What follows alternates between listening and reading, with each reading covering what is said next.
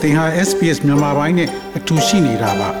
sbs.com.au/burmese မှာပုံမထူးခဲ့တဲ့သတင်းစာမားတွေကိုရှားဖွေပါ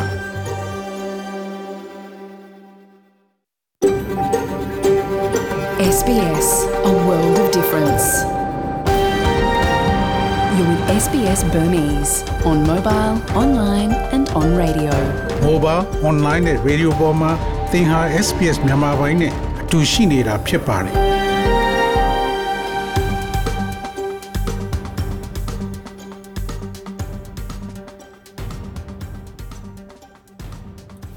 တော်ရရှင်များချစ်သည့်မင်္ဂလာဖျားဖျားနဲ့ပြည့်စုံတော်မူကြပါစားခင်ဗျာဒီနေ့ဒီဇင်ဘာလ28ရက်အင်္ဂါနေ့မြန်မာပိုင်းစီစဉ်များကို SBS Radio မှစတင်သံလွှင့်နေပါရခင်ဗျာဒီနေ့စီစဉ်များကိုကျွန်တော်ကြော်ထုံးအောင်ခေါ် Terrell အောင်ကတင်ဆက်သွားမှာဖြစ်ပြီးယနေ့ပါဝင်မိအစီအစဉ်များမှာတော့ settlement guide မှာခက်ခဲသောအချိန်များအတွက်ငွေကြေးဆိုင်ရာအကြံပြုချက်ဆိုတဲ့ဆောင်းပါး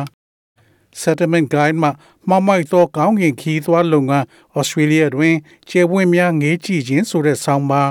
ကျွန်ုပ်တို့တောက်သုံးရည်တွင် microplastic များနှင့်ပတ်သက်၍နောက်ထပ်သုတေသနပြုလုပ်ရန်လိုအပ်ဆိုတဲ့ဆောင်းပါးတို့ဖြစ်ပြီးဒီနေ့ခေါင်းကြီးပိုင်းသတင်းတွေကတော့ COVID virus နဲ့ပတ်သက်လို့ New South Wales ကျန်းမာရေးပြောဆိုချက်မို့ဆိုးရွာအစုအပြုံလိုက်အသက်ခံရမှု28ယောက်သေဆုံးအချမ်းဖက်သမားများကိုဆွဲချက်တင်ရန်ပါကစ္စတန်ပြက်ကွက်ဟုဆို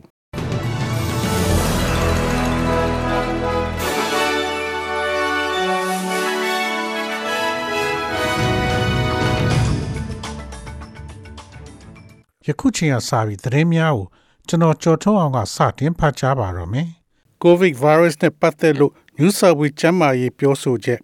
New South Wales Health သည် community သို့မဟုတ်အလုပ်ခွင်တွင် COVID-19 နှင့်ထိတွေ့နေသောကျန်းမာရေးဝန်ထမ်းများအတွက်ကျင့်သုံးသည့်စီမင်းများကို ပြောင်းလဲပြီးနောက်တိကျခွဲနေရန်လိုအပ်တယ်လို့ဆိုပါတယ်။ဝန်ထမ်းများသည်ဝန်ဆောင်မှုပေးပို့ခြင်းအတွက်မရှိမဖြစ်ဟုယူဆကြပြီးအပြုသဘောဆောင်သော ကူးစက်မှုနှင့်နီးကပ်သောအဆက်အသွယ်ရှိသူများသည်ယခုအခါအထီးကျန်ခွဲနေခြင်းမှထွက်ခွာနိုင်ပြီး6ရက်မြောက်နေ့တွင် အနှုတ်လက္ခဏာ PCR စမ်းသပ်မှုကိုဆိုင်းငံ့ထားက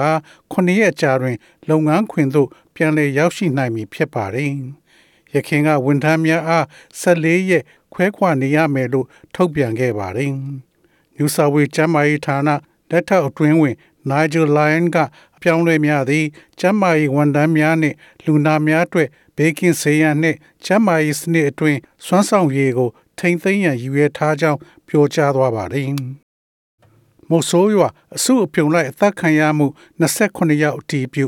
ဒီဇင်ဘာလ24ရက်ခရစ်စမတ်အကြိုနေ့ကကရပြည်နယ်ဖရူးဆိုမြို့နယ်မိုးဆိုးရွာအနီးအစုအပြုံလိုက်တပ်ဖြတ်မီးရှို့မှုနဲ့ပတ်သက်လို့ဒေသအခြေစိုက်ကရင်နီ လူအခွင့်ရေးဖွဲ့ KNHRG ကစည်ရင်ပြုစုနေပြီးဒီဇင်ဘာလ29ရက်နေ့ထိသေဆုံးတဲ့ရုပ်အလောင်း29ခုကိုအတည်ပြုနိုင်ပြီလို့ပြောဆိုပါတယ်။ Save the Children ဖွဲ့ကဝန်ထမ်းနှုတ်ပါဝင် နောက်ထပ်14ဦးကတော့ပျောက်ဆုံးနေသေးလို့ဆိုပါတယ်။မိသားစုဝင်တွေရဲ့စည်ရင်ပေးပို့ချက်အရပျောက်ဆုံးနေသူထဲမှာဖရူဆိုမြို့နယ်လော်ဂျာကျေးရွာက၄ယောက်ခိုးရခူရွာက ၁ယောက် Save the Children ဝန်ထမ်း2ယောက်လွိုက်ကောမျိုးကစီးပွားရေးလုပ်ငန်းရှင်တူပါဝင်9ယောက်စုစုပေါင်း14ယောက်ဖြစ်တယ်လို့ KNHRG ကတာဝန်ရှိသူကပြောဆိုပါတယ်။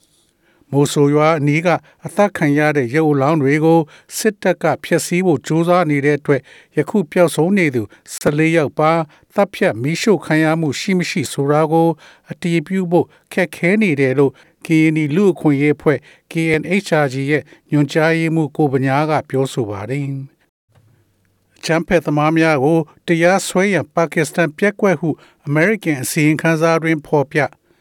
ပါကစ္စတန်သည်အချမ်းဖက်မှုတိုက်ဖျက်ရေးပိုင်းတွင် လုံလောက်သည့်လှုံ့ဆော်ချက်များလှုပ်ဆောင်ရန်ပြက်ကွက်ထားကြောင်း American စီရင်ခံစာအသစ်တရက်တွင်ဖော်ပြထားပါသည်။ GEM တီထောင်သူမာဆွတ်အဇာနှင့်လက်ရှိ ဤတဘာရဲ့စာချုပ်မီအာကဲ့သို့2008မွန်ဘိုင်းတိုက်ခိုက်မှုများရဲ့ကြိုးကင်သူများအပါအဝင်အချမ်းဖက်သမားများကိုတရားစွဲဆိုရန်ပါကစ္စတန်တို့ပြက်ကွက်ခဲ့တယ်လို့အစီရင်ခံစာမှာဖော်ပြထားပါတယ်။ February လနှင့်နောက်တစ်ကြိမ် November လတို့တွင် လာဟိုးမြို့အကြမ်းဖက်မှုတိုက်ဖျက်ရေးတရားရုံးတစ်ခုက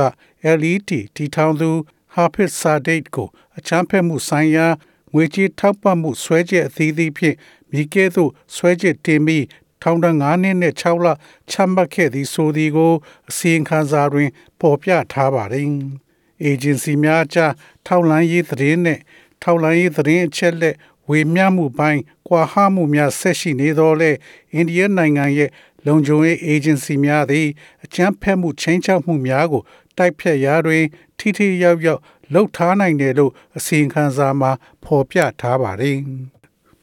Australia Federal News Poll သတင်း Federal တိုက်ခံခေါင်းဆောင် Anthony Albanese သည် Liberal ညွတ်ပေါင်းအစိုးရမှနေရာ12နေရာအနိုင်ရပြီး2022ခုနှစ်ရွေးကောက်ပွဲတွင် အောက်လွှတ်တော်တွင်ရွေးကောက်ခံအမတ်80ကျော်ဖြင့်အများစုရရှိမယ်လို့ခန့်မှန်းချက်မှာဖော်ပြထားပါတယ်။ဒါဟာ Australia အတွက်နောက်ဆုံးထုတ်တဲ့ News Poll ခွဲခြမ်းစိတ်ဖြာမှုအရ Labor ကအသာစီးရလာခဲ့ပြီးညွန့်ပေါင်းအဖွဲ့ကနေအနိုင်ရမဲ့ထိုင်ကုန်အရေးအတွက်ကိုပြည်내ပါတီနှစ်ပါတီကနှစ်သက်တဲ့အပေါ်အခြေခံပြီး9နေရာကနေ12နေရာအထိ Labor ကအနိုင်ရရှိနိုင်တယ်လို့ခန့်မှန်းထားတာဖြစ်ပါတယ်။ရခင်3လပတ် News Poll ခွဲခြမ်းစိတ်ဖြာချက်တွင် Mr. Albanese သည် အစိုးရအဖွဲ့ဝင်ကြီးများမဲနယ်မြေနဲ့ဝင်ကြီးနှုတ်ဖြစ်တဲ့ Queensland ရှိ Dixon ရဲ့မဲနယ်မြေနဲ့အနောက် Australia ရှိ Hasluck ရဲ့ Kinward ရဲ့မဲနယ်မြေအပါအဝင်ညွန့်ပေါင်းဖွဲ့မှမဲနယ်မြေ9နေရာကို Labor မှကောက်ယူနိုင်မယ်လို့အကြံပြုထားပါတယ်။ကရားပြည်နယ်ထဲလူအစုလိုက်သတ်ခံရမှုကိုစုံစမ်းစစ်ဆေးဖို့ကုလတောင်းဆို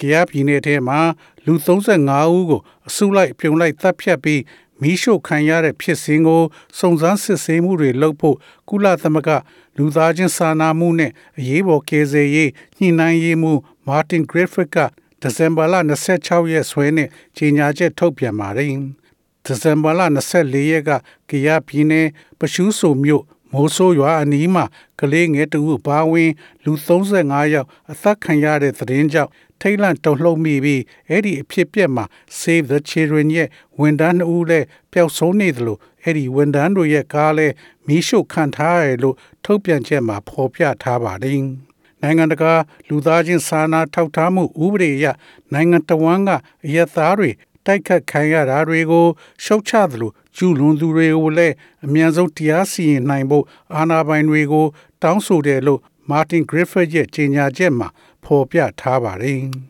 SBS SBS SBS SBS SBS This is SBS Radio.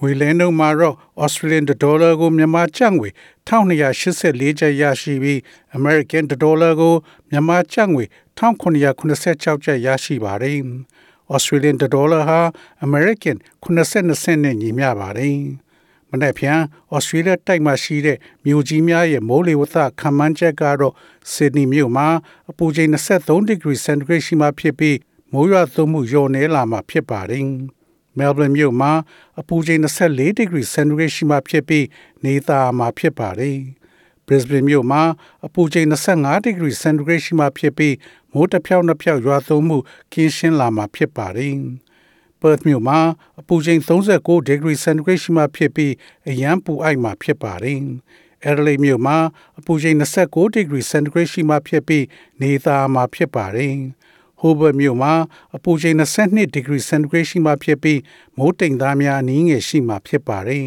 ။ Canberra မြို့မှာအ ပူချိန်21ဒီဂရီစင်တီဂရိတ်ရှိမှဖြစ်ပြီးမိုးတိမ်သားများအနည်းငယ်ရှိမှဖြစ်ပါတယ်။ဒါဝင်မြို့မှာအပူချိန်31ဒီဂရီစင်တီဂရိတ်ရှိမှဖြစ်ပြီးမိုးတစ်ဖြောက်နှစ်ဖြောက်ရွာသွန်းနိုင်ပါတယ်။ဤတွင်သတင်းများကိုကြီးညာလို့ပြီးပါပြီခင်ဗျာ။။